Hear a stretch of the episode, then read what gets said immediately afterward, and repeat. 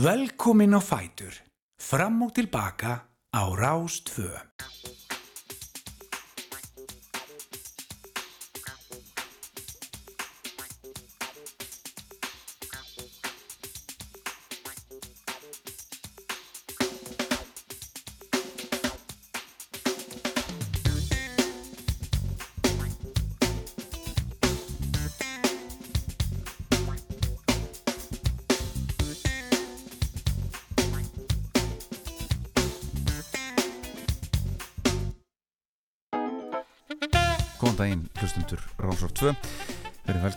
Fram og tilbaka.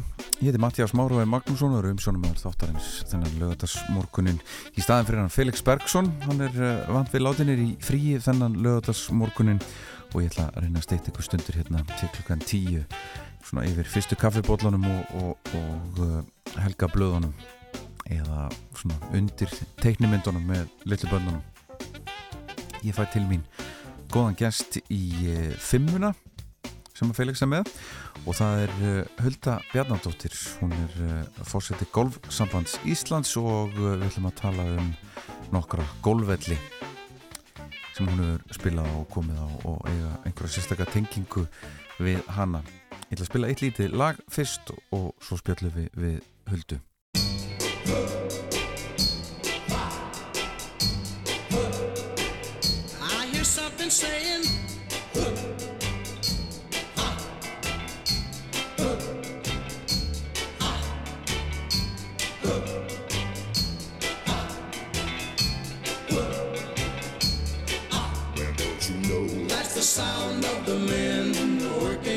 chain gang. That's the sound of the men working on the chain gang. All day long they're saying,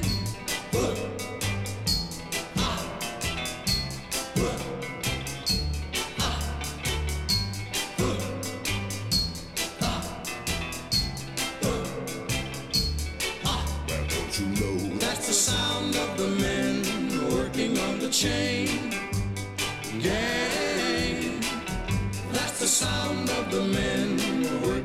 the chain gang. All day long they work so hard till the sun is going down. Working on the highways and byways and wearing, wearing a frown. You hear them moaning their lives away. Then you hear somebody say, That's the sound of the men chain gang. That's the sound of the men working on the chain gang. Can't you hear them saying, "Mm, I'm going home one of these days. I'm going home, see my woman whom I love so dear. But meanwhile, I've got to work right here. That's the sound of the men working on the chain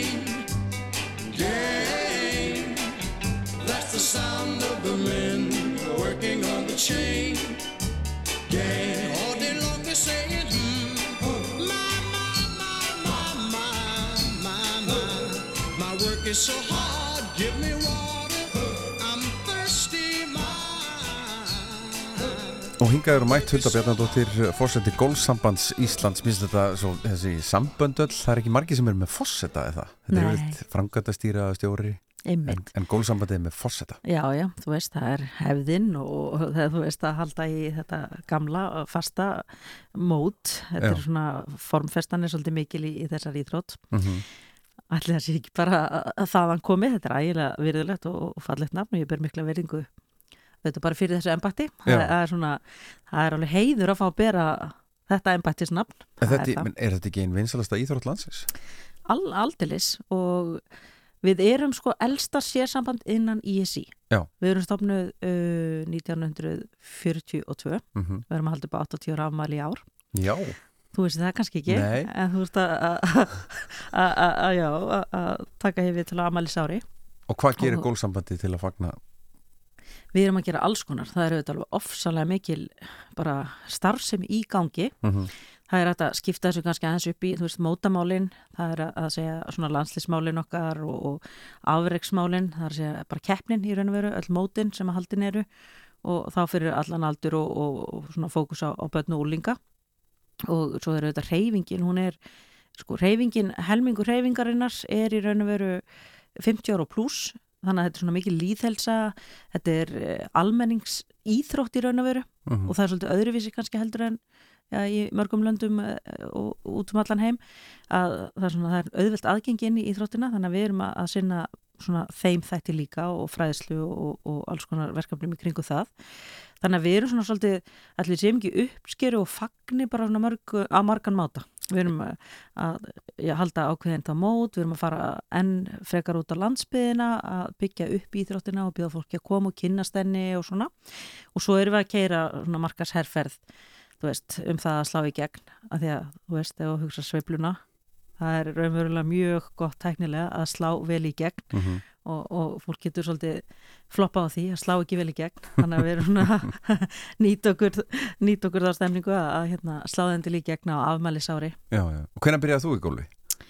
Ég byrjaði sjálf mm, það eru, ég með þetta oft við strákjuminn sem er títur en kannski ekki alveg að segja þetta ár byrjaði ég því að ég uh, fór að draga fyrst fyrir manni minn, það sést hann, hann var svona áriksskilmingur, var að keppa á Já, mótum og svona já, já. og var hann í meistraflokki og var mikið út á golfvill á sumrin ég sá hann lítið nema að koma þanga í raun og veru.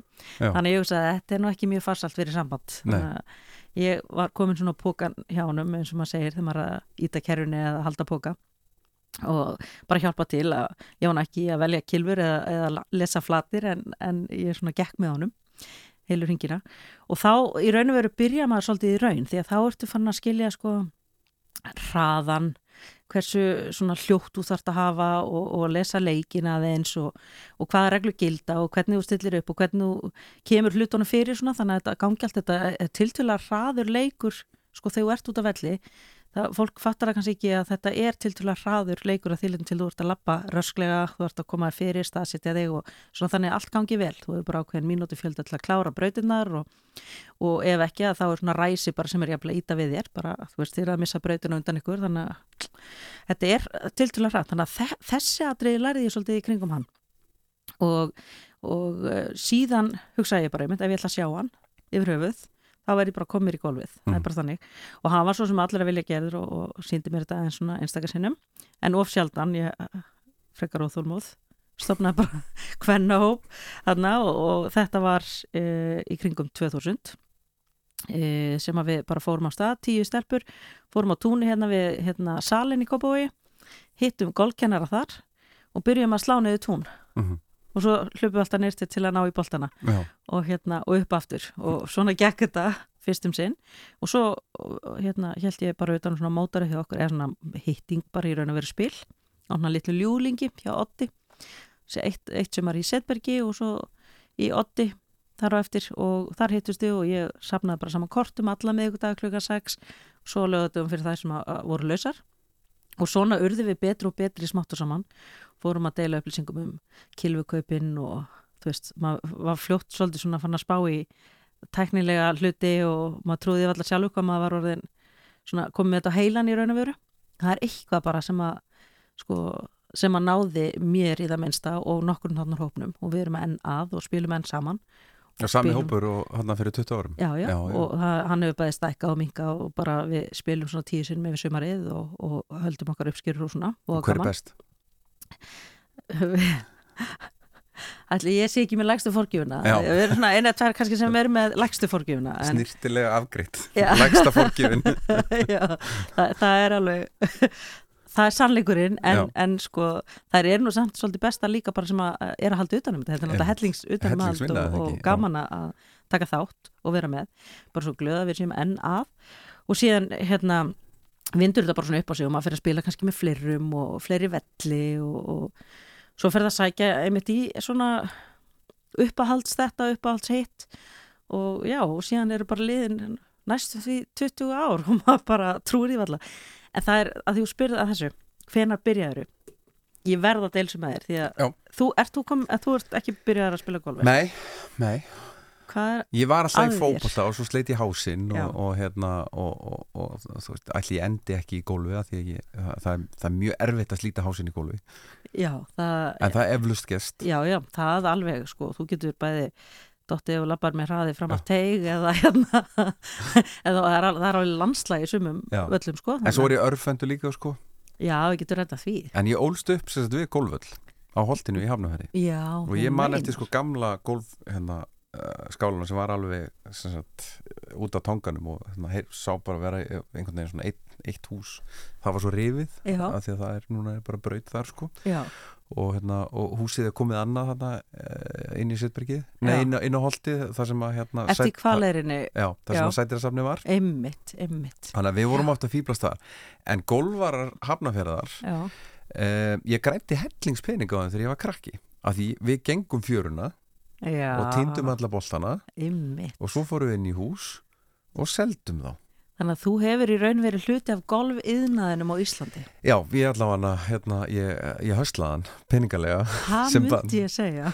En eh, svo held ég, svo áttaði ég mig á þessu þegar ég voru fullorinn, ég held að hérna, eh, mest megnis kalla sem voru þarna þá hafa nú aðlega bara verið að gefa okkur smá vasa penning fyrir þessar kúlur sko. Já, en já, við týndum alveg sko hundra og eitthvað kúlur stundum. Já, hugsa þér en þú sér, þetta er sko, einmitt, að því hún nefnir þetta það er svo marg, það, sko golfi er náttúrulega bara yðnar líka, þú veist, þetta er íþrótt og þetta eru íþróttaklúbar sem er að reyka starfsemi sína en það eru yfir 60 klúbar á landinu. Mhm. þannig að þetta er ofsalega stór og mikil starfsemi, atvinnustarfsemi sem er verið að halda úti, út um alland auðvitað óbúslega mikið af sjálfbúðaliðum sem við stólum á og eru til takk sem betur fer fyrir reyfinguna en þetta er alveg ótrúlega, já, vaksandi bara grein og að því þú spurðið hvort það væri ekki stærsta eða vinsalasta íþróttagreinin, þú veist, við erum flesta yðkendur það við erum með flesta íþróttur og jafnvel, sko, við erum sko, komin yfir 20.000 í dag Mhm.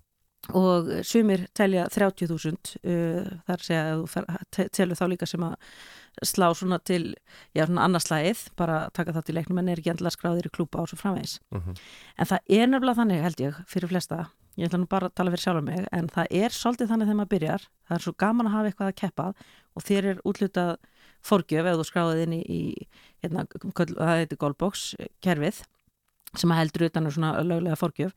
Og svo ertu, já ok þegar að ég inn til 30 forgjöf vá hvað ég verð orðin góð, ég verð alveg með þetta á tandurtæru, ég verð orðin svo hittin fyrst er maður svolítið svona út um allt og þú veist, kallar þetta kúrika þú veist, Mhm. út svolítið svona hægri vinstri og út um allt, svo, svo svona þrengist það aðeins og svo fyrir að vera hittnar og allt þetta. Þannig að þú veist að þegar ég er komin undir 30 þá er ég með þetta.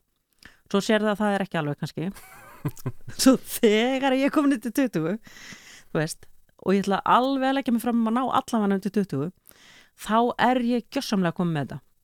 En svo kemst það því að það kannski er ekki alveg þannig, þú ert ekki ennþá farin að para allar brautir og, og hérna þetta er ekki alveg allt svona under control svo hugsaði, ok, hvað ætla ég að leggja mikið tími í þetta? Mhm.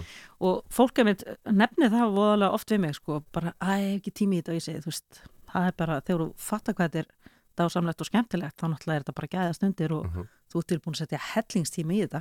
Og svo er allir þessi hermar komni núna yfir vetutíman þannig að það er að æfa sig allt árið eða ekki? Jú, fyrir utan það er mitt, það, það er að verða til bara svona alveg annar yðnar í, því og starfs, atvinnstar sem er mikil. Uh, þeir bara uh, poppa upp eins og gorkólu núna þessa dagana og skulum vona að verði nóg fyrir alla. Ég sé byrjið þar bara. Já, það er sniðut já, og maður tekur eftir að svona vinnir sem að er að byrja núna þeim finnst bara eðlug partur af prógramin að fara í herma á vetunar. Þeir taka þetta bara sem heilsás. Og þannig að, að því ég var ekki vun að fara inn í hermana á vetunar allavega að maður er svolítið svona að koma því inn í prógramið að jú, ok, og það munar, þú kemur miklu ferskar út á völl. Þannig að segjum að þú setur upp planunni í ágúst-september þá erum við að tala um að þú mæti mars, nei, apríl-mæ segi á næsta ári, það er mæ allavega. ég auglýsi hér með eftir örfæntum kilvum Já, við getum rétt af því, ég er klæða mjög skjótan máta. Já, og kannski hérna, ég myndi alveg splæsa á því eitring hérna út í keili, þú veist, ef við færum saman. Já, já það, það, já, verið, er þið heiður að fá að spila Já, fyrsta vá. ringin með þér svona á formlega á á hérna heimaslóðunum einmitt, já, nákvæmlega, það er fallegu öllur æðislegur. Já. Við ætlum einmitt að fara í golfvelli, því nú er ég búin að setja fórsetan alveg hérna út á, út á tún, bókstallega, að velja fimm, þú veist, fimm golfvelli, íslenska og eða elenda, hvort ertu með, ertu með bæðið eða bara íslenska? Þú setur mér svo mikla klemmu með þetta en hérna það, það, það er sko það er þetta að nefna nokkra veist, Já, svona, já. Sem að koma upp í hugan og af því að þú veist kannski þetta er svolítið svona staður tími og stund svolítið núna sko, Já, veist, ég held ég verið að taka þannig því að svo í gegnum tíðina það náttúrulega hafa aðrir vellir kannski líka staðið upp úr og svo er maður að fara á nokkra erlendi sem að sitja alveg, já, Mhm, hjá manni og hérna, og eru kannski sérstakir fyrir einhverjar sakir Nákvæmlega. Veist, það og eru bara hérna- góða sögur. Þetta eru fimm góðar golfsögur. Er það ekki? Ég ég, ég, lofa en hérna, ég get farið svona st- stutt, stutt yfir það sem kom upp í hugan þegar þú hafið samband við mig allavega Nákvæmlega. Við viljum fá eitt lag. Uh, mér finnst bara að við hæfa það sem slá í gegn, sko. Það ekki? ja, bara alveg, þú ert með þetta Matti, hvað en ekki hvað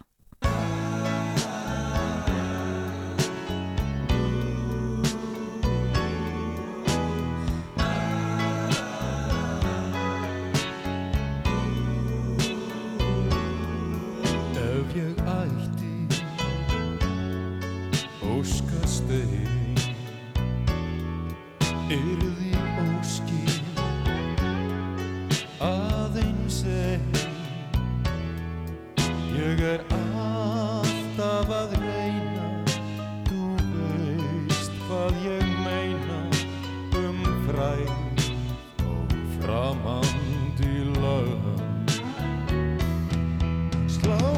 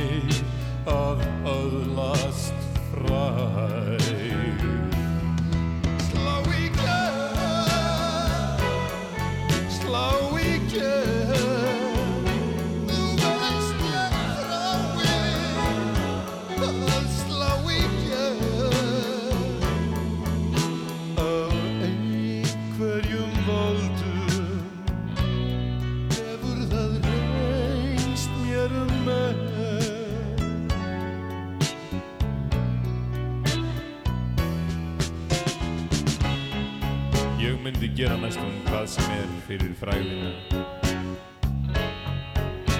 Nema kannski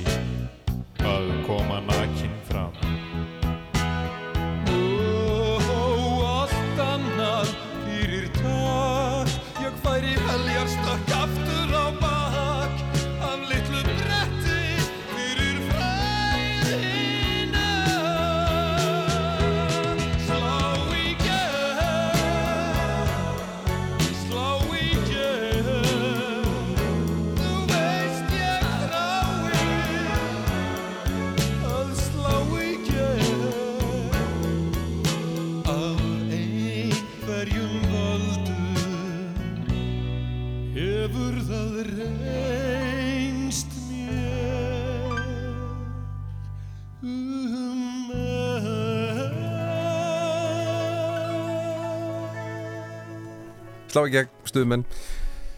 Ég var alveg til í að borga pening fyrir að sjá stuðmenn í golfi, sko. Golfmót stuðmanna. Í, hérna, í fatnaðinum Já. sem þau voru í hérna, með allt á hreinu. Mætt, mættust Mættust. Raka Gísla er endar í golfi Já, alveg rétt, já. Herðu, hún sagði mér það. allaleið Já. ég, hún, e, já, hún er annarslega út á Nesi veit ég Já, hún er, Mm. já, nákvæmlega. og ég held hún sé ára svolítið sleip nefnilega Ég kemur ekkert óvart að Raka Gísla sé mjög fljóti að verða mjög góð í öllu sem hún tekur sér fyrir hendur. nei, hún mun eiga auðvelt með að slá í gegn Já, nákvæmlega. svo við bara tökum þetta lag allaleið Hulda Bjarnadóttir er, er gestur minn hérna í, í fimmunni þannig að lögatarsmorgunin og, og við ætlum að vinda okkur í þetta uh, fimm gólvellir Og þetta eru sögur eða tengingar eða hvern, hvernig Já, nálgæðist þetta? það er rosalega erfitt að, veist, þetta eru bara svona tengingar sem að koma upp. Ég, ég, ætla, ég ætla að taka það fram og hafa Já. svolítið fyrirvara á þessu. Því að það er erfitt að, gera upp á milli valla. Þeir hafa allir sína sérstöðu. Mhm. Og svo er svona, það er eitthvað bara sem þú tengir bara, þú varst með vinahópið þarna líku við, þannig að ég ætla að taka þetta svolítið út frá því. Já. Þannig að það er ekkit, þú veist, það er svo mis, já, það er hægt að taka svo margt gott frá öllum völlunum og hérna, en, en svona mínar tengingar bara, tökum bara mínar tengingar og hérna og náttúrulega í fyrsta lagi þá er bara ótrúlegt að við séum yfir 60 golfvelli á Íslandi Já. það er bara ótrúlegt Já. og það er sama hvar maður ferðast veist, og nefndu það bara þú ferðum og það er eh, golfvellur innan ákveðins Mm. bara í öllum landlutunum og það er ótrúlega gaman að því við vorum að halda líka núna, það minnir mig á hérna, það voru að klára skóldagar á Norðurlandi núna í vikunni og það var að vera að halda það í golfklubnum á, Söð, á Söðukröki og þar komum við, við erum að kynna svona allt svæðið í raun og veru. 11 golfklubbar bara þar í kring, þú getur ímyndað þér. 11 mann sem er að leggja alla þessa vinnu í að halda út í golfvellum á þessum svæðum.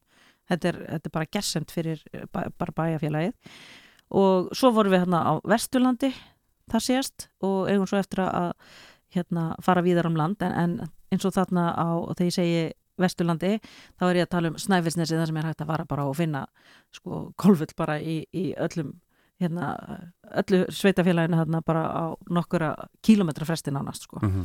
þannig að þar vorum við einmitt hjá Mostra og, það, og talandi með einmitt svona sérstu veist, þar er golfvellinu svona upp í ofsalega fallegu svona bæjarstæði bara og horfir yfir hafið og eigarnar hann úti á hafi og svona þannig að þú veist það er eitt, það hafa allir eitthvað alveg óbúslega sérstætt Er, er, er túrismi í þessu?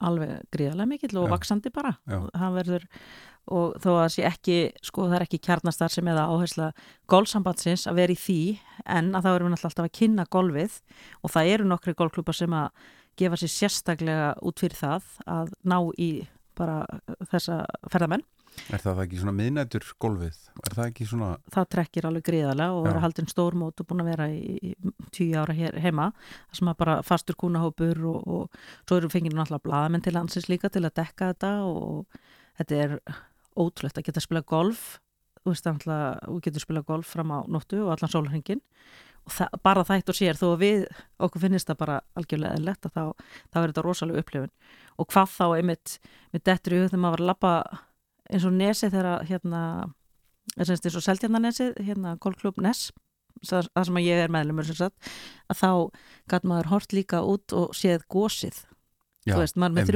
360 gráðu hérna útsýni bara við það verið að lappa svo varstu með gósið, svo ertu með Snæfellsjökul og svo ertu með náttúrulega Esjuna og Akranfjall og þú ert bara með. Þú veist, þetta er svo ótrúlegt stundum. Og heim til Guðuna líka? heim til Guðuna og svo það sem gerist auðvitað þú ert að elda þessa kvítu þú ert í svo mikill núvundum til að þú ert eh, þú ert bara einblina svo mikið og fókus sem verður svo mikill að þú gleymir, gleym bara staðastund svolítið. Á maðurinn sem sagði um, daginn hann er að gera upp húsið sitt. Hann sagði allt sem ég þarf til að gleyma vinni það er að fá nagla og hamar. Og svo bara byrja ég að leika mér að smíða og ditta og svona. Og ég sagði þetta er nákvæmlega það sem gerist í golfinu líka. Mm þú bara gleymir stað og stund svo heyrir í fuglónum mögulega og svo ertu með eh, góðu fólki og þú ert í heilsuræktinni. Mhm. það verður ekkert mikið betra en þetta. Nei. þannig og svo hvað þá ef þú færði þetta útsýni sem ég er að lýsa sko 360 gráður. Og það er það sem að maður hefur séð sko golftímaritni lýsa. Það eru þetta þetta á, hver, á hverjum stað er nánast eitthvað svona sérstakt. Og Golf Digest, ég man að þeir hafa náttúrulega reglulega komið til landsins og þeir eru alltaf uppgötta meira og meira og við erum líka flink í sko, við erum svo vistvæn, veist, við erum afsvalega duglega í mörgu hér heima. Og náttúrulega bara náttúran býður upp á það og við erum bara búin að vera flinki umhverfisvend og öðru, þannig að það er litið til okkar alveg og það er alveg að fylgjast með okkur. Þannig að þetta er svona það sérstaka kannski við já, golfvellinni hérna heima, það er náttúrulega byrtan, það er sólalægi sem við getum bóðið upp á og, og eldgós annarslægi svona úr fjarska og þetta er bara það sem að er að mun vaksa alveg gríðalega og stóri golfhópar mögulega að koma hérna saman og, og það er að vera til ferðarskipstofur sem eru náttúrulega að finna alltaf nýja og nýja áfangastæði og ég meina við erum með alveg topp golfvelli sem að geta bóðið og tekið á móti í stórum hópum. Mhm. það eru stórir og flottir og ég verð að minnast það að því ég var svo stolt þegar ég fór fyrir verkefni. Þar sem við tókum á móti einum þekktasta kvennkilvingi veraldar Anniku Sörustam, ég veit ekki hvort þú Já, tengir. ég, ég þekki, þekki nafni það ekki nafnið, já, Og, og hérna og það var svo gaman að geta að fara með hana þá, veist, við fórum brutan fara upp í háskóla Reykjavíkur og svona, hótelin okkar og allt þetta þá fórum við náttúrulega út í GKG og heldum stelpugolfið þar.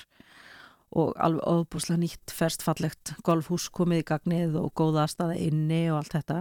Svo fórum við hann upp í Mosó þar sem að var bara svona eins og landslagsmynd, Esjan bara beint fyrir framann völlurinn svona fallegur, klúphúsið þetta flott og, og þetta er bara svona heimsklassa aðstæða og svo var hún með svona golfklíning út á Seldjarnanesi og þetta var er golfklíning? Já, svona, sín, svona sínikensli það sem að hún var bara með svona, mikrofón og, og var að sína hvernig hún hugsaði högginn og, og svo svona áhörundastæði í kring.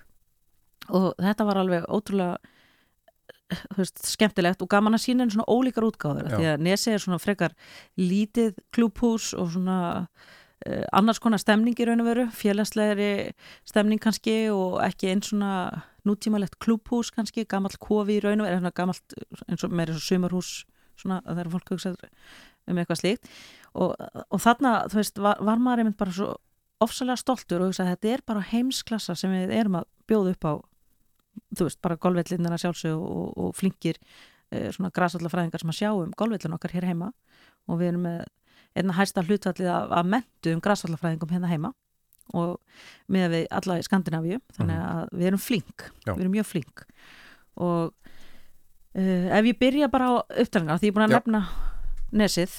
Vil það ég komi með Já, eitthvað hva- hva- smottir í þar? Já, þú nefndi nesið aðeins. Það, það er þinn heimavöllur, eða ekki? Það er minn heimavöllur Já. og ég spila uh, annar staðar líka auðvitað en uh, og er svona í golfhópum sem ég spila bara út um allt. En Nesi er heimavöllurinn og, og ég veit fátt skemmtilega kannski en að sitja þar og það framlengi sumari svolítið finnst mér líka. Mm þetta er svona eins og svona, eitthvað, já, eins og svona sumabústaða stemning svolítið á sumrin þegar það er gott viður og svona. En ég nefndi, ég var kannski búin að nefna þetta svolítið þetta 360 gráðu útsýni. Bara það er ó, bara lýsanlega fallegt stundum.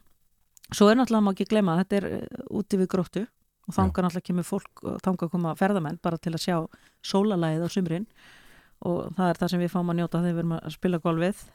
Fugglarnir, náttúran út með hafið. Annarslæði þá sérðu svona hvað heita er, sem að svífa hérna, er að leika sér ekki á hérna svifbrettunum það fyrir að vera meira bátalíf í kring og, og svona svif ekki- nökkvar kaj- einhverjir. Já, er ekki kajak að það kajak og svo eru náttúrulega skokkarar eða svona hlaupa, einhverja hlaupa ringin og, og hjólafólk sem að rúla rætna framhjá og svona. Og þetta er það, það er eiginlega bara þetta. Já. svo er selurinn mættur hérna í sjáamálið og það er svona og vorbúðin eða... Golvöllur í borg, ég meina það er ekki þú veist þú getur, þú, þú fer ekki inn í Edinborg og bara ert inn í borg og farið í, í golfið það? Það er, jú, jú, það er, það það er alveg einstaka, hérna, jú, jú, það er alveg einstaka borgi sem að passa upp á þetta að halda í grænu svæðin sín og, og hafa þetta og halda þessu til, uh, já, bara, þetta er, þetta er ákveðið, bara virði að hafa þetta og Já, fram að við vonandi líka að Já, fólk já. meti að því þetta er náttúrulega, auðvitað, það, það eru sumir sem sjá þetta sem gyrnilegt byggingaland, sko, Mhm. en svo þegar þú ferð að hugsa um líðhelsuna og fólkið og, og grænu svæðin í borginni, þá fyrir þetta vonandi að hækka í virði. En já, þannig að þetta, þetta er svona veist, ég fer strax einmitt í þetta umhverju þegar ég hugsa um þann golfklub eða þann, já, golfvöll í raun og veru. Já, og svo þegar vorbúðin krían mætt og svona þá, þá er gaman að vera til. Já, ég er náttúrulega meira hrættu að hún skýti á mig en að hún gaggi mig sko. Já, en þetta er, okkur finnst hún vonlega vinnaleg og hérna, það er ekki allir sammála þar. Nei, ég er hálfrættu við hana sko. Já, þetta er, þetta er kannski svolítið og það er lett að hafa þetta yfir haustum aður en svo venst þetta bara og þú veist svona hvar þar eru ágengastar og Já, já, bara skilur vel að það sé að verja unganum sína já, nákvæmlega.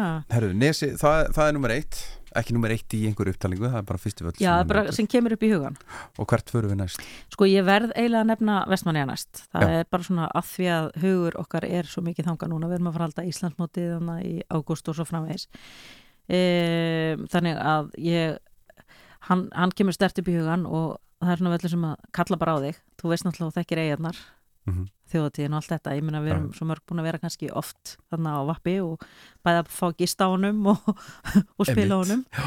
Ég var ekkert tíma hann á hólu eitthvað sex eða eitthvað. Er það ekki? Jú, jú. Og varst alveg meðvitaður um það eða lest ekkert ljúaði að þér að þetta væri veist, skiptaði þið máli sem þjóðatíðagest að vita hvað varst fannst alveg, nei, braut, nei sagt, ég var nú 18-19 þarna á þessum tíma sko, mér fannst samt merkilegt að vera á gólvelli sko, mér fannst Já. það alveg hérna, uh, töff sko. Já. og bara allt í góðu með það sko.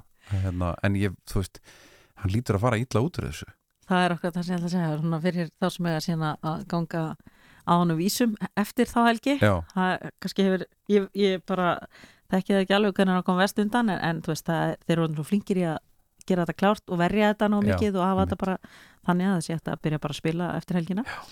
En það er sem sagt, þar er uh, og ég læri það nú uh, ekki um leið og ég spila þann en það, þar er sem sagt elsta golfhóla landsins líka. Já. Og, og að því ég sagði þér að, að golfsambandi hefur verið stofnað 1942 mm það var í stríðinu bara. Já, og það var gaman að frétta þá líka að eh, 1938 þá var þessi golfhóla til á 8. brautinni. Og þetta er hann á fjó, fjósakletnum. Og kannski eitthvað Nú er ég aðeins týndur sko. Já, En já, já, já, ég, ég þekki þetta. Já, en það er sem sagt saga, sagan er svo og, og þekki hann ekki mjög vel en, en maður lasið aðeins til um þetta þá þegar maður vissi að þetta var elsta golfhóla landsins. Stendur sem sagt þarna við fjósaklettin og haldiði fast, þar bjó hann Herjólfur Bárðarsson vist sem var fyrsti landnámsmaðurinn til Vestmanni Já, já, já, hann hétt Herjólfur Bárðarsson einmitt og það kemur nafnið á herjóli já, Já. einmitt og Herjólfsdalur og, Já. og allt það. Já, þannig að þetta er, þetta er hérna og svo veistu náttúrulega bara hvað er gaman að koma til Vestmanni þannig að þeir eru með góða aðstöðu flott klubhús og, og svo náttúrulega bara spila hana, þú veist, við klettana og ofsalega gaman að vera svona við sjáarsíðuna mm sem að maður náttúrulega oft er á Íslandi. Já þetta er góð helgaferð það ekki? Þetta er bara geggjað. Og Já. svo náttúrulega ertu enga stund að skjótast yfir Nei. þannig að þetta er alltaf verða svo einfalt og þetta, þetta er svona fasti pínu þá þarf að fara svona reglulega til Vestmanni Já, og Íslandsmótið er sem sagt þar Já. og nú þekki ég ekki Íslandsmótið í, golfi er það sem sagt haldi, það er bara ein helgi, ein svona kemnishelgi og ferða á milli vallana þá sem sagt á næsta, er þetta svona eins og landsmótið í hesta íþróttum? Nei, þetta, er, þetta eru nokkur sko og síðan er svo skiptnir í, í barna og úlingamót og, og hólukeppni og svo sveitakeppni eða Íslandsmót golfklúpa Mhm. þannig að þetta er þetta, er, þetta eru alveg tugur hérna móta Já. Yfir sumarið þannig að En þetta, er, þetta er svona, þetta klárast þarna og Já. það er svona, þetta er stóra mótið okkar þannig að þetta, þetta svona, maður er svolítið spenntur fyrir vestmanni um þetta sumari og svo já, ef maður heldur áfram, það er náttúrulega gaman ég meina ég byrjaði, fyrst í völlun sem ég spilaði það var á Söðukrokki mitt að ég nefndi hann áðan Já. og, svo hefur maður verið alltaf þegar maður er að ferðast Ísafjörður og Bólingavöku tóku það hann í fyrir og tóku svolítið svona vestfyrðin og svona Mhm.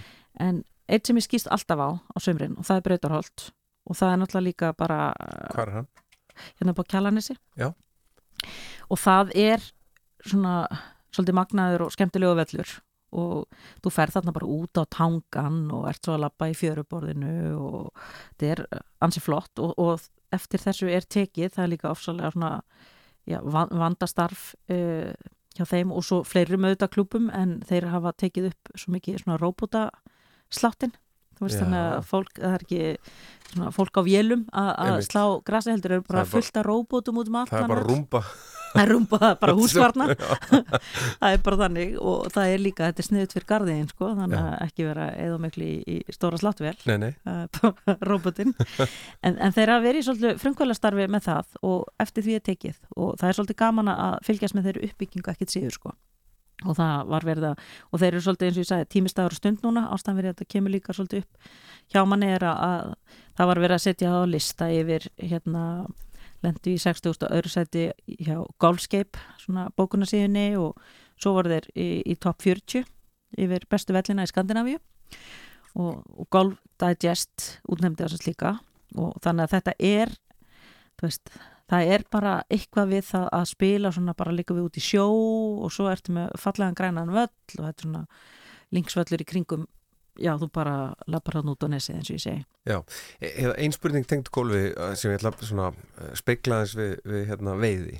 Já, uh, ba, ba, bara að því að það, það líkur vel við höggi að gera það þannig. Hérna, ef, ef þú vilt byrja að veiða mm þá getur þú kiftið bara svona bensinstöða stöng og veiðikortið og, og þú getur bara að byrja að veiða. Já, uh, nú, nú spyr bara sá sem ekki veit uh, er hægt að gera það sama í gólfi getur þú fundið ódýrar kilfur Mhm. og, er, þú veist, er hægt að gera gólf ódýrt af því að gólf er líka dýrt sko alveg eins og, alveg eins og veiði, lagsveiði þú veist, lags að kaupa Já, þú getur kert þetta alveg upp einmitt allan skala. Já. Þú getur byrjað með þrjárkjölfur, þú veist, og pútir eða þú getur keft eins og á Þa- Facebook þarftu bara síðunni.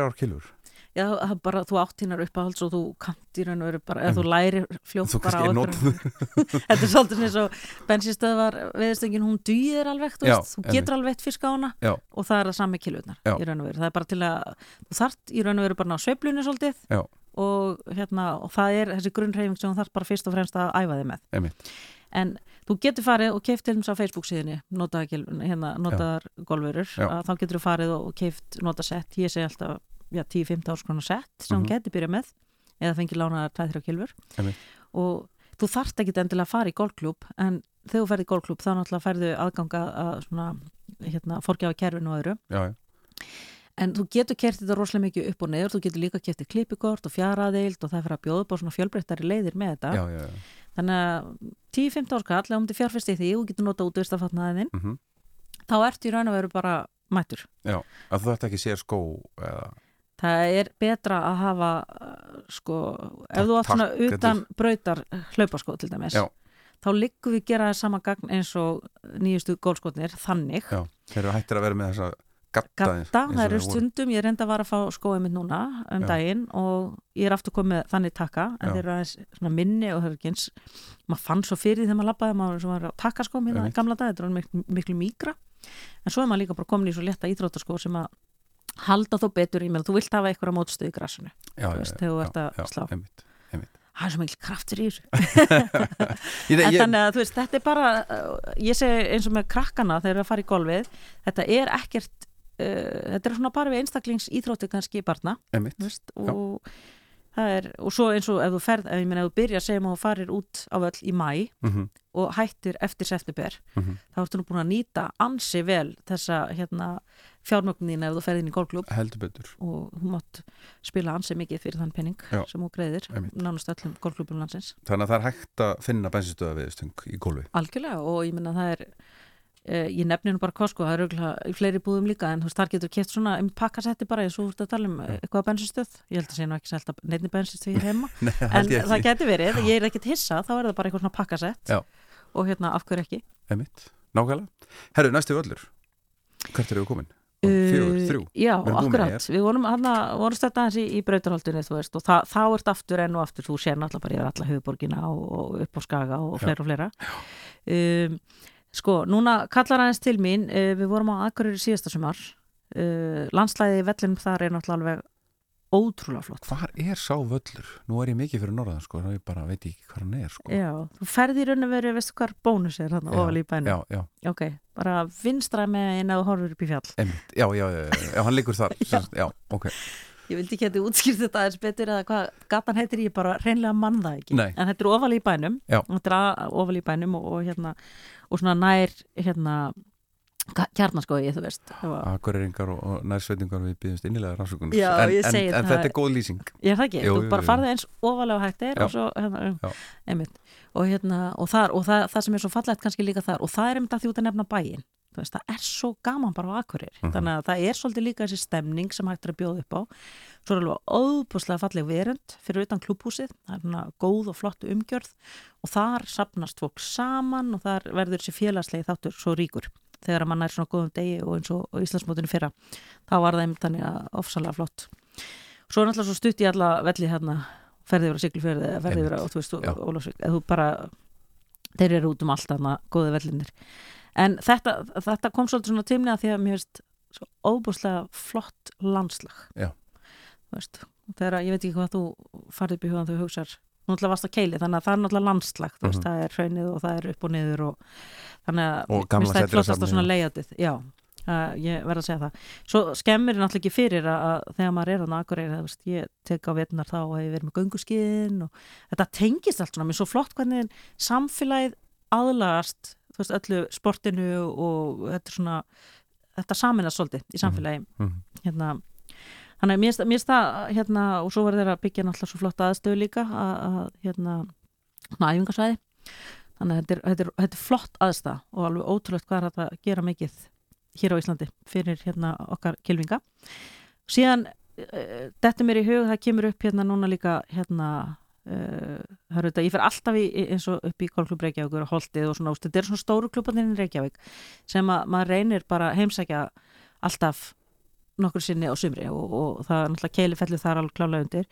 Og uh, Oddurinn uh, er, við erum að fara að halda Evrópu mót stúlnalandslega það er að segja bestu stúlnalandslið Já, Evrópu er að koma hingað núna í sumar. Á hvað vellið það? hjá, á Oddi. Sem er hvar? Golfklub, já, hann er upp í hérna þú ferð upp í Garðabæ og keirir þarna með fram hérna Vívilstað Já, já, já, spítalanum já, já, einmitt. Og hérna og keirir þar upp. Mm og Það sem að nýja hérna, inn í fjölnota- heið, já, Já, inn í heiðmark alveg. Já, í raun og veru þú ert komin fram hjá heiðmörkinu hérna, en þú keirir áfram og, og nýja hverfið, þetta er allt farið að hérna renna saman. Já. svo kemur Setbergi hérna í framhaldinu. Já. og þar, hérna, mér finnst hann líka sko, áðurinn ég byrja að vinna svona formlega í kringum golfið þá, þá sótti ég hann alltaf, eins og ég sagði þér, fyrst á ljúlingnum og svo finnst mér, það er eitthvað svona hann er kvenvætt, myndi ég halda ég, ég bara veit það, þú veist, Já. ég hef spilað hann og ég heyri fólk nefna það líka. Hva, hvað er það? það er eitthvað við það að það er nefnilega svolítið áhugavert, ég meina golf er stopnað af kallmönnum og ég meina að þú er hert um það að konur hafa ekkert verið búin að velkomnar kannski framan af í sporti eða ákveðna klúpa og svo framvist þetta er auðvitað alltaf breytast. Mm. og svo er hann eitthvað kerfi utanum, þú veist bara golfvöllur sem hendar og er teknaður upp af köllum fyrir kalla Mhm. og síðan kemur að því að konur hafa áhuga að vera með og þeim, þeim, þeim er búið hérna þáttaka og þá kannski bara svona, ok, hér er kallategur og svo bara nokkrum metrum framar og þá er kvennategur Mhm. þá er ekkert verið að hugsa landslægið endilega í sama hlutfalli fyrir þann kvennateg, skilju, þannig að þú allt í einu ert komin bara í eitthvað kerfi sem að var fyr, fyrirfram tegnað fyrir kallategana, en þú ert bara svona sett inn í það system. E, þarna verðist bara svolítið hugsa út í systemið í raun og veru. Hvenna system þá alveg og kalla system og svo framvegis, bara fyrir allan aldur kannski líka og, og kyn. Já. og svo er búið að setja upp svona aðstöð það er svona, svona grindur fyrir aftan konurnar, þannig að maður getur sest niður á meðan að það ert að spila með eitthvað sem spila fyrir aftæði að, að kall fari á aftæri teg fyrir aftæði og Mhm. slær Já. þá ert ekki hægt að fá kúluna í nakkan Nei, nei, eða annað, það ert ekki verið eins svona meðutum, þannig að það verið að huga öryggistáttum og annað en þannig að það er, það er svona svolítið það en svo er það líka bara þetta, ég meina hraun, gróður það, það er bara eitthvað stórkoslega fallegt það veist, við fugglar að líf vera þarna þarna. líka já, já, já, fuglalíf og það er bara, þú ert svo mikið út í náttúrunni þú horfur upp á helgafell þarna Mhm. þannig að þetta, það, veist, það umhverfi hefur alltaf heillað, það er oft uh, veðursældar og já, þannig að ég, hann, er- ég hef alltaf passað mig á að taka hann einu sinni hérna á sömri eða tvisvar og, hérna, og, og spila jæmt núna með nokkrum spilafélagum þar og síðan uh, verði að nefna líka hérna Geysi. Hann, við byrjum svolítið þar sko. Þannig að við fórum alltaf regla á Geysi hann er alveg þræl erfiður. Já, og hann uh, leikur sér að þér í raun og veru. Þú, þú, átt, þú verður að vera svolítið hitinn til að, eiga góða möguleika á honum. En hann er alveg ótrúlega fallegur og þú horfir upp að geysi já. að hluta og svo er svona falin að það er svona falda litla lundir og, og, og finnir í sem þú sérð alls ekki frá veginum já, og já. sérð eða ekki nema og bara spili völlin já, ég skil þannig að það, það opnar svolítið svona nýveröldi og komin hann aðeins niður fyrir og, og einmitt. ferði við, þú veist, árnar og þetta er alveg það er svona smá misteri hérna í þessu landsvæði sko. Og trikki völlur Já, hann er Já. þræla erfiður sko. En hvað ertu best? Á hvað vell ertu best?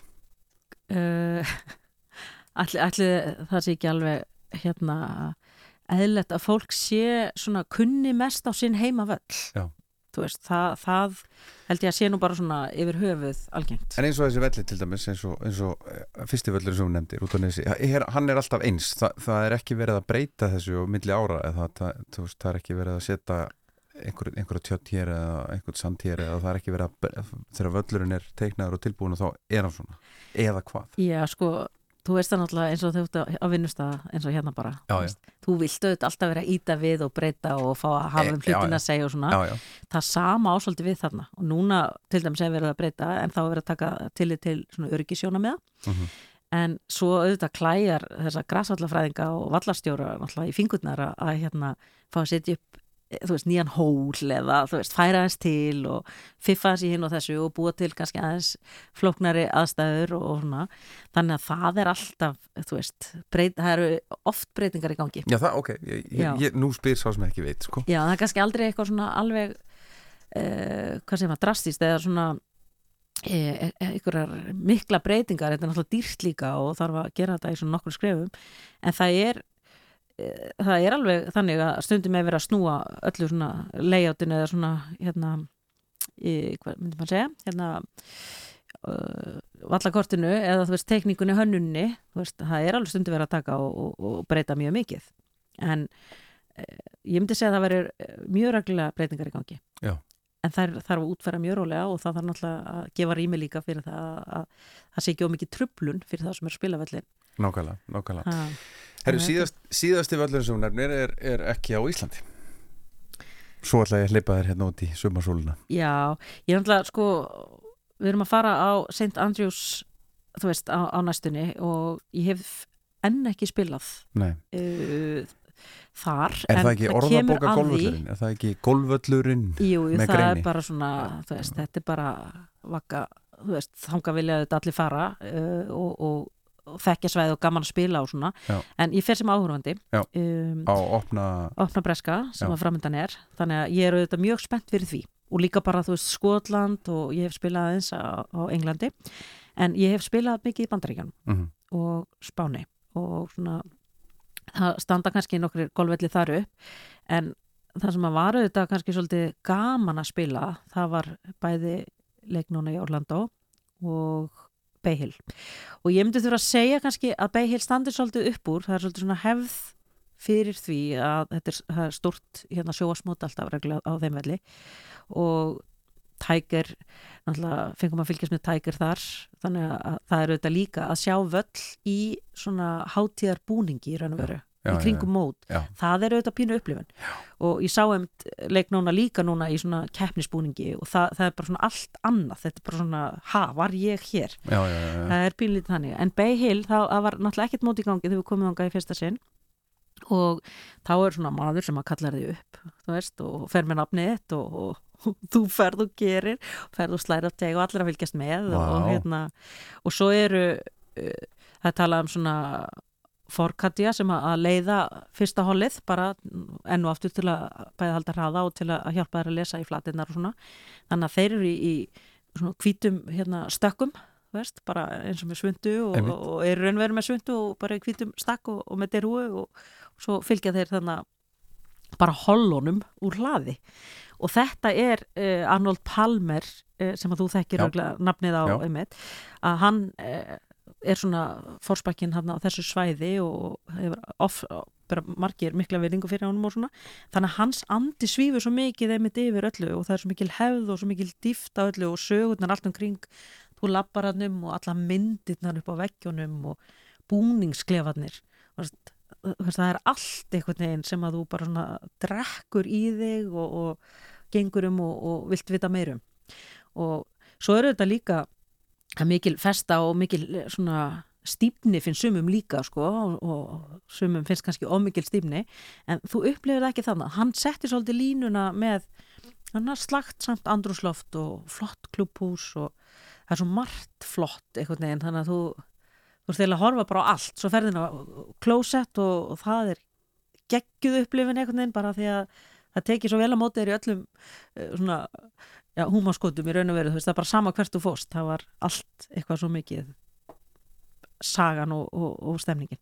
Þannig ég verða að fá að nefna það og við fórum síðan aftur og, og þá svona var maður að svona kunna á systemið og, svona, en maður, þetta, þetta er, það er svolítið sérstætt að fá að spila svona vellið þar sem að sagan er bara upp um allt og inn í öllum veggjum með mitt. Ég skal trúa því. Takk hjálpa fyrir að gefa þér tíma í, í, í þessa, þessa fimmu, sexu eftir í hvernig við lítum á Hulda Bjarnandóttir fórsett já, já, golfsambandsins og, og hérna að vera gaman að fylgjast með ykkur á, á ammælis árunni ykkar. Uh, Þú mátt velja bara síðasta lægið sko. Jésús minn, þetta var ég ekki búin að hugsa. Nei, Þú tókst slá í gegn frá mér en það Já. ég var ánasamt með það lagaval. Um, hvaða hljómsett hefur spilað eitthvað um golf? Hmm. Jésús minn, það er alveg eitthvað, hjálpaði mér. Hvað kemur upp á listan hér hérna það, það, ég fæ bara einhverju svona ég var að horfa á hérna Jésús minn ég, ég fæ bara svona eitthvað Shakira og, og J-Lo og eitthvað núna upp í kollin og, og hérna Pat Benatar.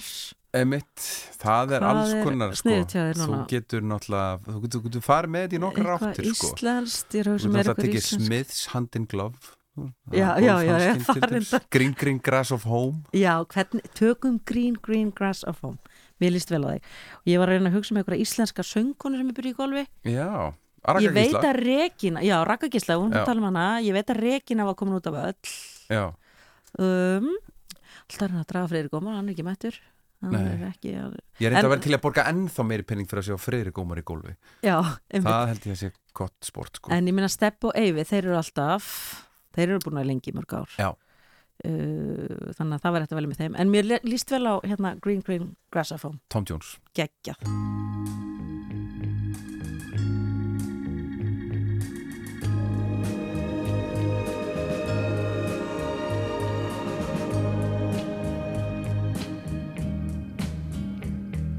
The old hometown looks the same as I step down from the train. And there to meet me is my mama and papa. Down the road I look and there runs Mary hair of gold and lips like cherries. It's good to touch the green, green grass of home. Yes, they'll all come to meet me, arms reaching, smiling sweetly. It's good to touch the green, green grass of home. The old house is still standing, though the paint is cracked and dry. And there's that old oak tree that I used to play on. Down the lane I walk with my sweet Mary, hair of gold and lips like cherries. It's good to touch the green, green grass of home.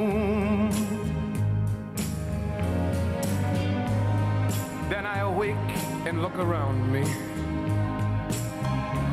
at four gray walls that surround me. And I realize, yes, I was only dreaming.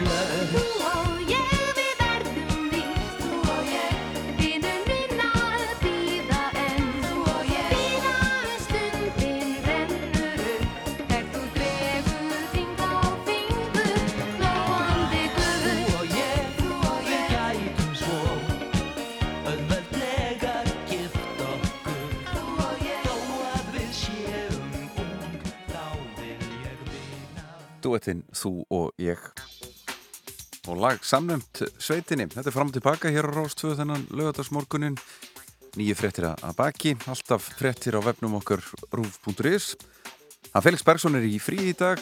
Ég er yfirleitt bara að kalla að mati og, og stendi hérna vaktina fyrir Felix þennan morgunin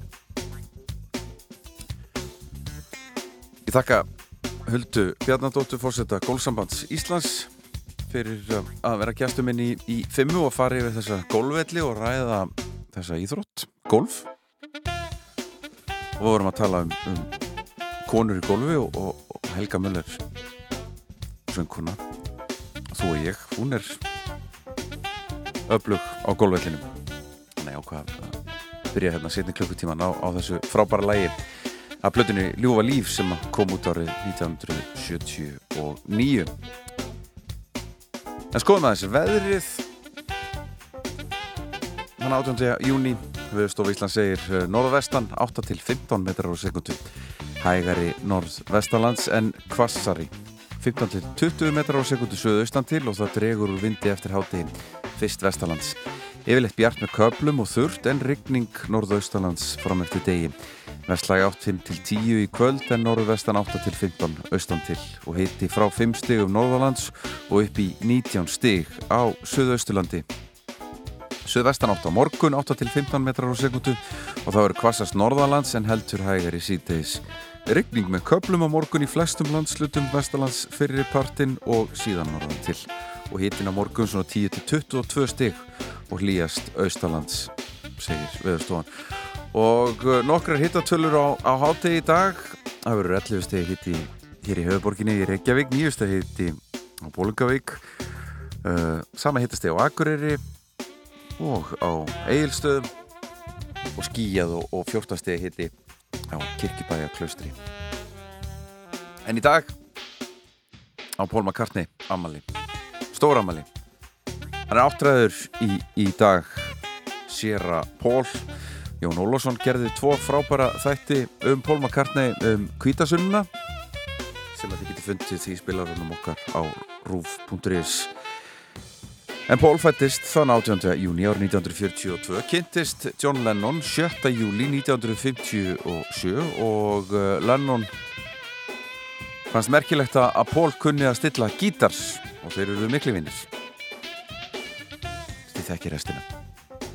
Ég rakst á ske skemmtilega grein í, í gær það sem að uh, vefsíðan Stereogum tónlistasíða hefur spjalla við 80 tónlistamenn og ymsum aldri og fekk ég til þess að velja uppáhalds Paul McCartney lagi sitt og, og svona útskýra aðeins af hverju og fara aðeins yfir, yfir þá. Ég ætla að fara aðeins yfir þennan lista núna þennan setni klukkutíma fram og tilbaka þennan lögdagsmorgunin til heiðus Paul McCartney og, og ég hveti alla í dag til að hlusta smá á bílana og eða eitthvað þessum dásalögu vingsplötum eða soloplötu Pól þar eru magnaðar flestar. Og ég ætla að byrja á Lindsey Buckingham úr, úr Fleetwood Mac. Hann segir að uppbóls McCartney lagi sitt sé Here, There and Everywhere. Og uh, talar um Revolver plötuna það sé hans uppáhalds bítlaplata ég vennu eiginlega að vera sammála Lindsey þar einhvern veginn enda alltaf á Revolver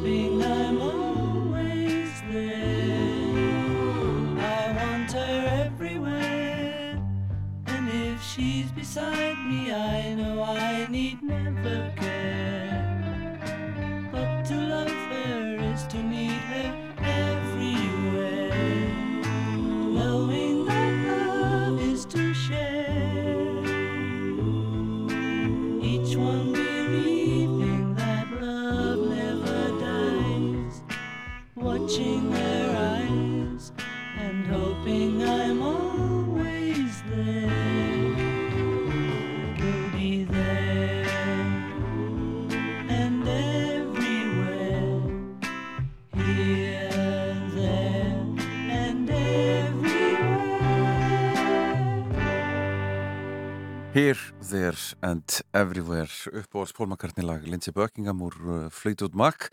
Næst er það Nile Rodgers Íslandsvinnur Nile Rodgers úr uh, Chic uh, hann uh, velur Maybe I'm Amazed sem kom út árið 1970 og uh, segist uh, bara, bara elska þetta lag og, og það sem að gerist uh, að hann þurfi bara þetta the í þessu lagi og þá er, hann, þá er, hann- þá er þetta bara komið þessi, þetta, þetta bara upphaf og, og svona efin, maybe og, og það allt saman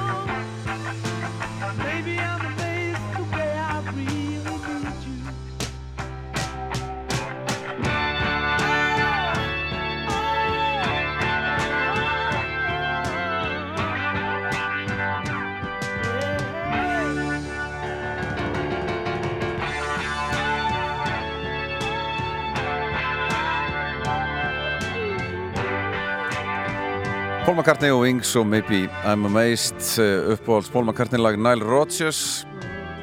Og Nile segir þessari grein sem ég er að vitni hérna og ætla að- styðjast við á amlistegi Paul McCartney. Hann er áttræður í dag. Þannig að við hitt Paul í fyrsta skipti þegar Sík og Nile Rodgers uh, spiliði í kvítahúsinu þegar Barack Obama var að kveðja kvítahúsið og þá leita hann svona út á dansgólfið þar að segja Næl og, og sá að þar var Paul McCartney í miðjum dans að, syngja með sík lögunum og það hafi fund, Næl Rodgers fundið frekar, fundist frekar skrítið. Það sem að ædólað hans í, í tónlist væri að syngja lögin hans. Fyrsta lagi sem að Næl Rodgers einmitt lærið á gítar er A Day in the Life. Þú ert að hlusta á Fram og Tilbaka á Rástfö.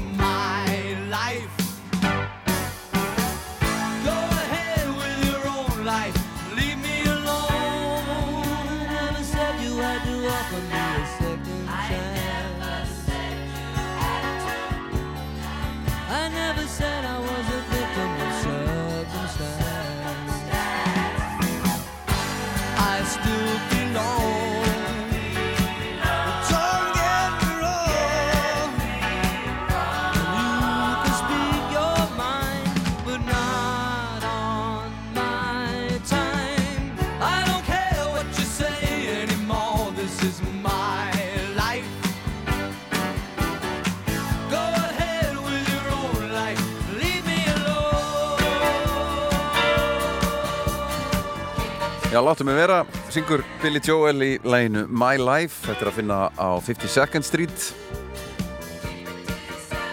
sem hann gaf út árið 1978 það er nokkri meðlumur úr Chicago sem að uh, syngja bakrættir með Billy Joel í, í þessu lægi Billy, mikill bítlaðandöndi og mikill aðdöndi Paul McCartney eins og við erum nú bara flest. Og uppáhalds bítlalagi hans eða Paul McCartney lagi, er réttar sagt er, er Yesterday, hann var eh, 15-16 ára þegar þetta uh, lag kom út og, og segir að það hafi átt mjög mótandi áhrif á sig að að heyra, heyra þetta lag og hann hafi átt þessi strax á því að, að þetta, það var eitthvað myrkur í, í þessu, þessu lagi, einhver, uh, sorg. Og þetta var ekki svona gleði pop í anda Please Please Me eða I Want to Hold Your Hand. Þetta var eitthvað fullónislegt og talar að- um að margir á hans aldri og svona í hans vinarring á þessum árum sem voru hlusta bílana hafi, hafi tengtu þetta lag á svona svipaðan hátt. Það var svona verið upphafað því átt að sjá því að, lífið eh, verður ekki alltaf dans á rósum. Það er, það er myrkur líka stundum.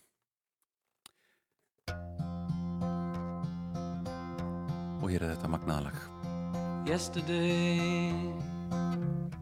All my troubles seem so far away. Now it looks as though they're here to stay. Oh, I believe in yesterday. Suddenly, I'm not half the man I used to be. There's a shadow hanging over me. Oh, yesterday came suddenly. Why she had to go, I don't know. She wouldn't say.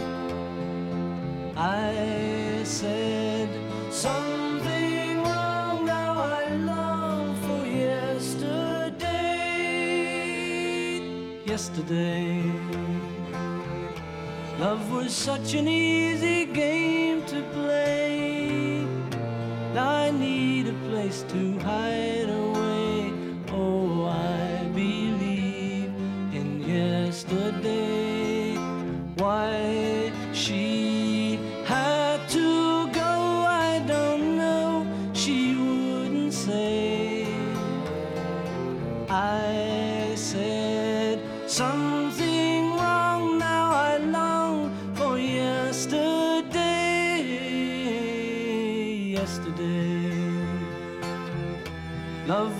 such an easy game to play.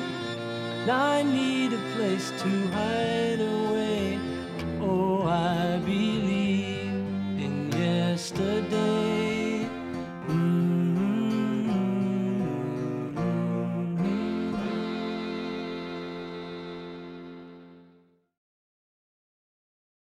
Fram og tilbaka.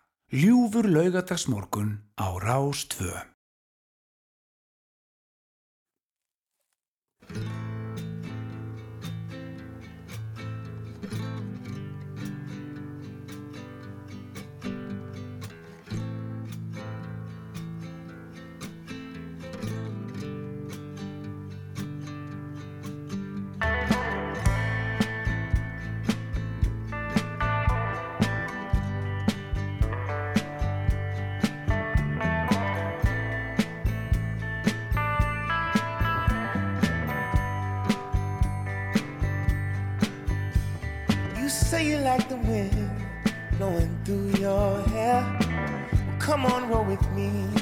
sun goes down. Texas sun. Say you wanna hit the highway while the engine roars. Well, come on, roll with me till the sun goes down. Texas sun.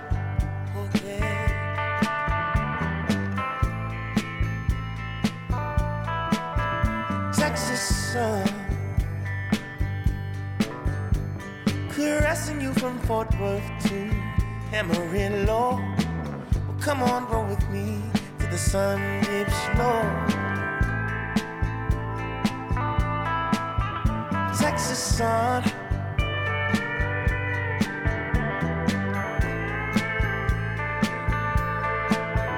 Texas sun, oh girl.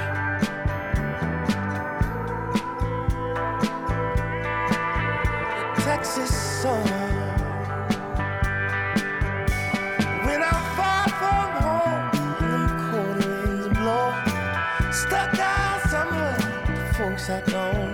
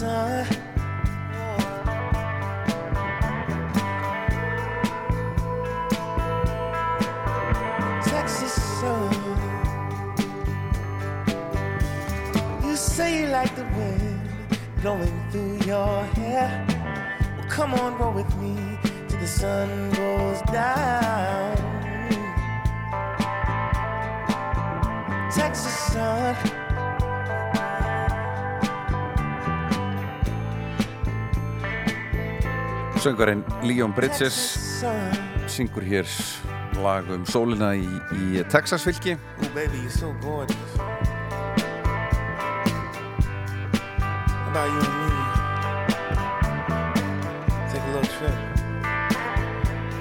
ég ætla nú ekki að tala um Leon Bridges, ég ætla nú meira að fjalla með þessar hljómsveit og, og Krúmbin. With me, babe. Laura Lee, hún á sitt upp á halds McCartney lag, ég ætla að segja ykkur frá því en, en uh, þessi hljómsveit Krúmbin, þetta er uh, tríó, spila svona uh, segatelju pop, rock undir miklum áhrifum frá tælenskri tónlist meðal annars og, og miðausturlenskri. Tónlist var stofnuð í Houston í Texas árið 2009 voru að spila saman í, í eh, gospel kirkju í eh, Houston í, í Texas svona hljómsveitin í, í, í kirkinu meðlum með krumpin og fór, fór að tala saman og áttu þessu að, að áhrifavaldandi væri þeir sömu. En uh, nú er það uppáhalds Paul McCartney lag Lori Lee er að fara yfir uh, yfir uppáhaldslag nokkrar þekktar poppara með Paul McCartney en, en uh, bítillinn uh, Sierra Paul, hann er áttræður í uh, dag. Og hún velur hið magnaða lag Golden Slumbers. Og, og talar um bílferðir í, í skólana á, á mótnana hún var í Montessori skóla sem var töluvert frá hverfinu ennar í, í, í Texas, hún, hún Laura Lee. Og átti oft langar bílferðir á, á mótnana með, með pappa sínum þar sem að, að þar voru bílakassitur og þau töluðu um bílana og, og uh, á leðinni í, í skólan hún var ung mikil uh, bílakona.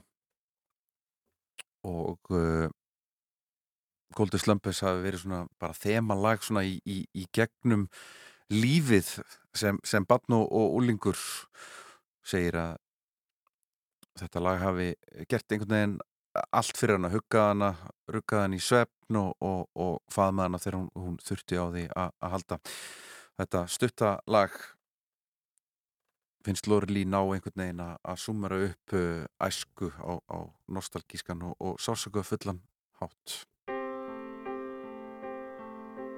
Once there was a way to get back homeward.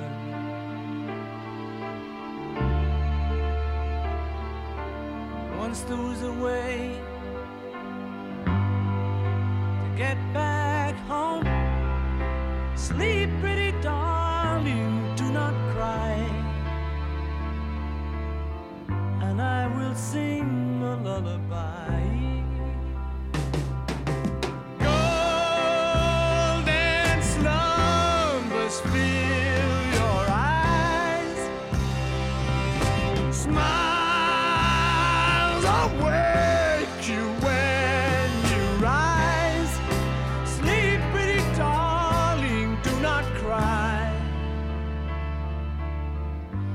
Will sing a lullaby. Once there was a way to get back homeward.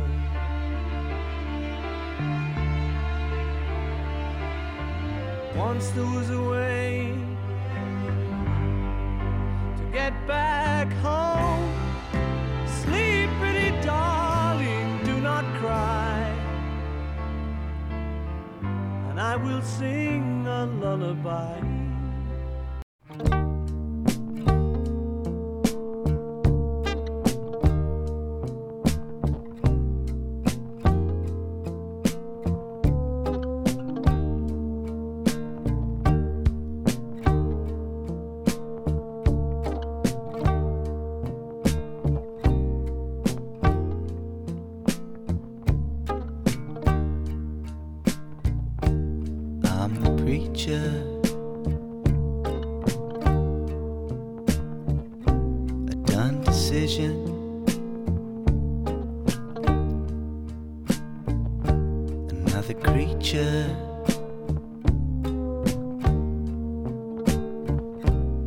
lost its vision.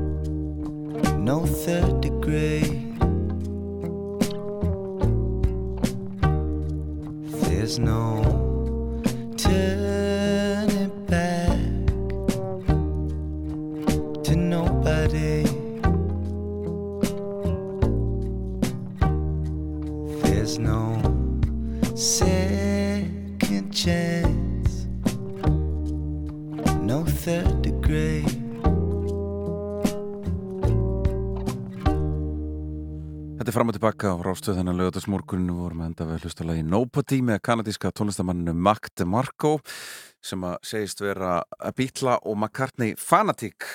Og, hann á sér sitt uppáhalds Paul McCartney lag. Og uh, hann er svo mikill uh, McCartney aðdáðandi og bítla aðdáðandi og hann segir í, í þessari grein stereogum sem að ég er svona stíðast við að fara yfir uppáhaldslög nokkra tónlistamanna uppáhalds Paul McCartney lög nokkra tónlistamanna hann segir á síðustu plötu sinni hafa hann uh, samið eitt lag sem, að, sem er á plötunni, hann vil nú ekki nefna hvaða lag það er, þið getur bara að fara að hlusta á hana og reynda að komast að því hvað það er. Þannig að hann er bara svona ákveðið að, að, að ræna einu Paul McCartney lagi, bara svona semja Paul McCartney bítlalag á síðustu Magdi Marko plötunni.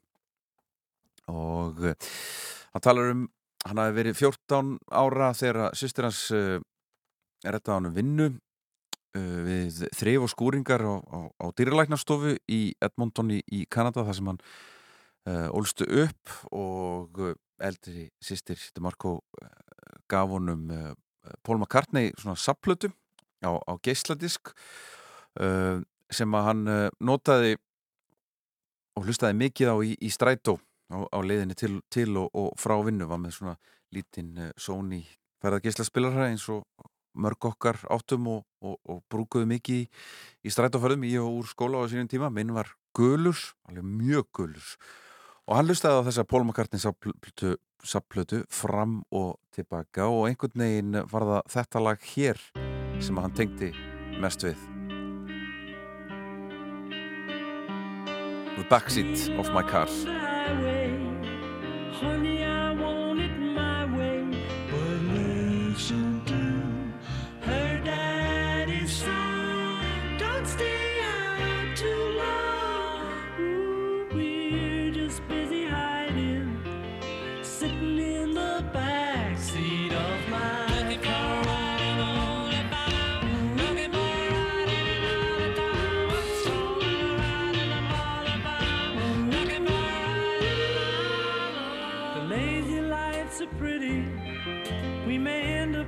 Mexico City.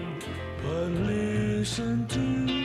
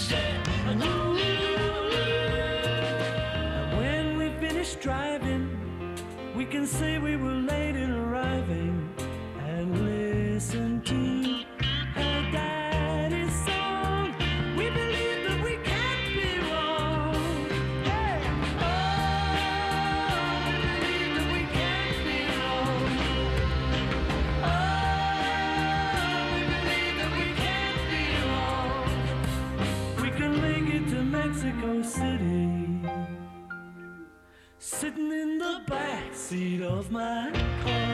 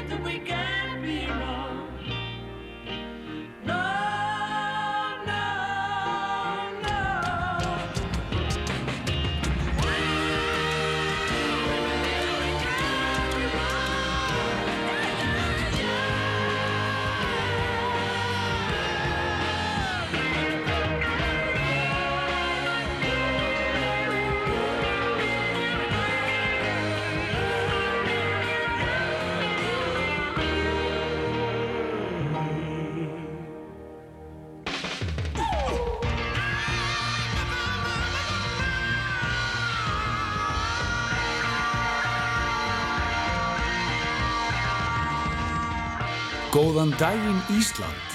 Fram og tilbaka á Rástvö.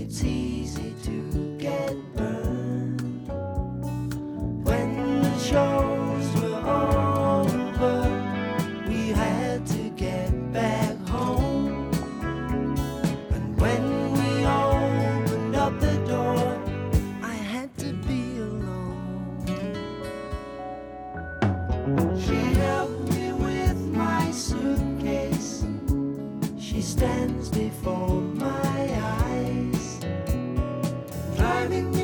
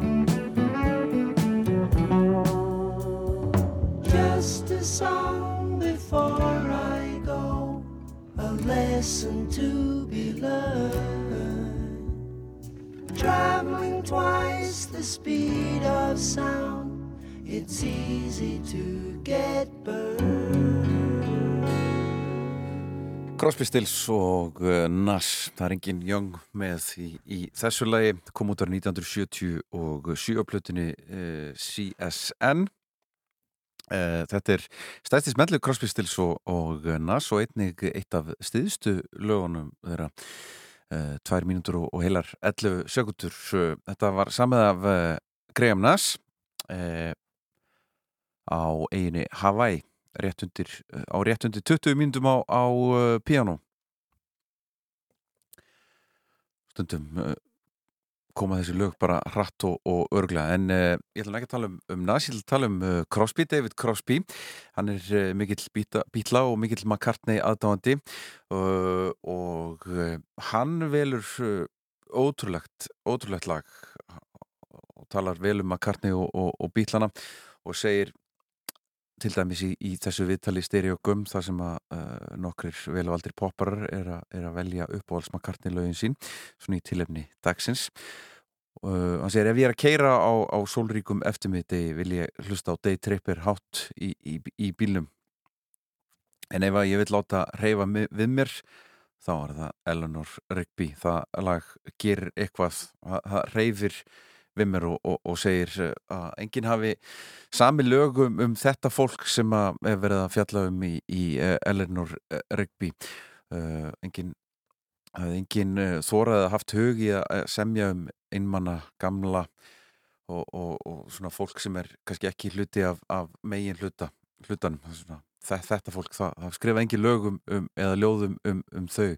Við sömdum um uh, fallega fólkið og, og, og rock og roll og, og sömdum ástalög og fólk sem á um, um sárt að binda. En, en við sömdum ekki svona lög svona, um einhver svona litla hluti eitthvað, eitthvað smátt, kallt sársökafullt og einmannlegt Look at all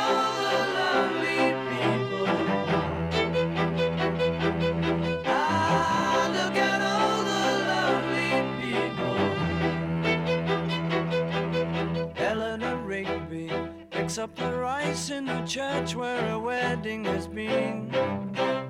Lives in a dream, waits at the window, wearing the face that she keeps in a jar by the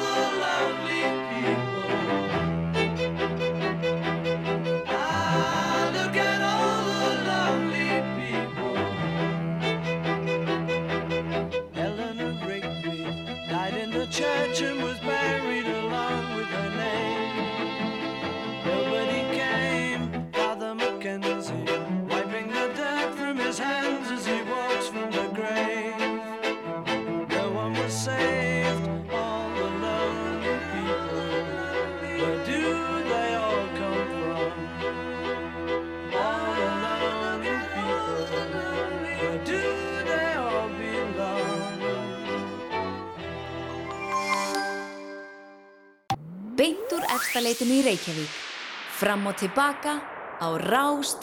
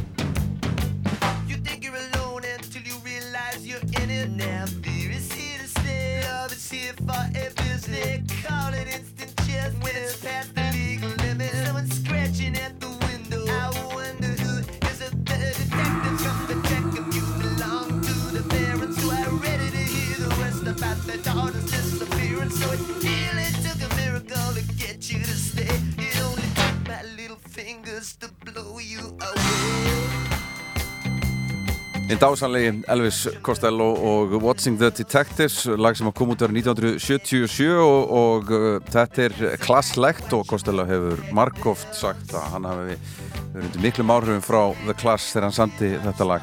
Skamma sín ekkert fyrir það. Þetta lag er á lista Rolling Stone yfir 500 bestu lög allra tíma og má alveg vera þar. Það minnst að kosti að, að mínum að þið sittur þar í, í sæti numur 363 en uh, það líður á lokum hérna hjá mér fram og tilbaka senna á enda ég heiti Matti og er búin að vera að leysa Felix eh, Bergsson af eftir tífrétnar er það uh, Salka, hæ Það er ég. já, Þetta er nú skemmtilegt. þetta er skemmtilegt lag já. Herru Paul, áttræður Já. Ég var svo glöð þegar ég sá það sko frétt, eða, ég fattaði það semst í vikunni. Já. og ég sagði, ég, það verður sko paul þáttur hjá mér Ó, já, já, það- Svo kom ég inn og þú varst að spila McCartney, ég bara, nei, ert þú búin að vera í alla morgun að spila? En má það ekki á dögum sem þessum? Það, það má Hann er má. áttræður líka, sko, þetta er stóramali Já, ég er í útlöndum og þú ætlar að taka áhrif Pól á, á íslensku tónlist. Já, ég ætla svona að reyna að svona Sett í samingi Já, sko, að því að ég er líka oft með svona þema í þættinu hjá mér, svona lögfengina láni. Já, sem að ég tek einhver lög sem að eru, við vitum ofta ekki að það eru erlend, Nei, nei. sem að, að, að nóg er að taka, skal ég segja en um, það er svona slefarinn í það þema líka, sko. Einmitt. Þannig, en svo ætlum ég bara að spila mín uppáhalds bólmakartni lög. Já, ég hef alltaf svona verið með eitthvað nút í maganum að ég kvíði sko ég kvíði svo deginum sem að heimurinn verður bílalus já, einmitt, ekki segja þetta. Og með hverju árinu sem líður þá náttúrulega færist við nær svo sem þeim raunveruleika en hann er áttræður Já, og margir, hann er hann hugsa afskaplega vel um sig. Hann lítur ekki, hann lítur mjög vil út í mér, hann er á tónleikaferðalagi núna sko. ég veit það og hann er, hann hugsa hann er hérna, hugsa vel um mataræðið og reyfingu og, og annað hann er örgla skilur örgla, er hann ekki búin að fara í blóðskipti eins og Keith Richard eða eitthvað, hlýtur að vera. En hann er ótrúlega, ótrúlegu lagahöfundur. Ótrú. Hann er bara einstakur sko. Já, ég er nefnilega sko, er mikil bílakona og ég hef oft sko flakka svolítið tekið svona tímabil Mm. hvar ég hef svona verið í, á George Harrison tímbili og hann upp á alls og svo Já. ég tekið Lennon ég hef ekki ennþá tekið Ringo tímbili sko en hérna, en núna er ég svolítið á, í pól Paul tímabilinu Já, og það er, það er að festast þar lengi á, það er á nóg að taka Já, sko. það er nefnilega alveg að festast þar sko Já. og hérna, ég var, ég var að spila Elvis Costello og, og Mhm. hann eins og bara allir það ekki eru, eru miklir, er mikill eh, Beatla og McCartney aðdóðandi, hann talar um hvíta albúmið og, og, og svona er það setja það í samengi við tíunda áratögin og heldur því fram að, að þú veist, við hefðum ekki fengið OK kom kompjúter með radio eða það hefði ekki verið fyrir, fyrir hvíta albúmið. Já, já, það er þetta að halda svo, mörgu svona fram sko, Já. ég held að sé allt rétt. En uppáhaldsbílalagi hans er uh, For No One. Og með þessu lagi þakkaði fyrir mig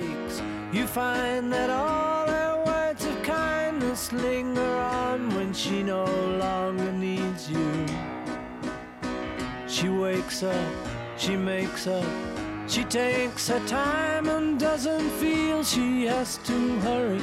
She no longer needs you, and in her eyes you see nothing. No sign of love behind the tears cried for no one. A love that should have lasted years.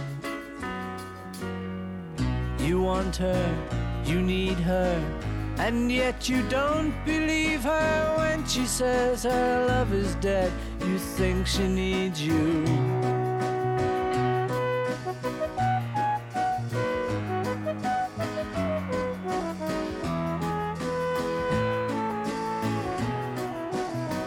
And in her eyes you see nothing.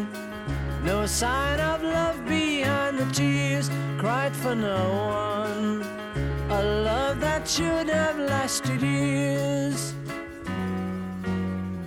You stay home, she goes out.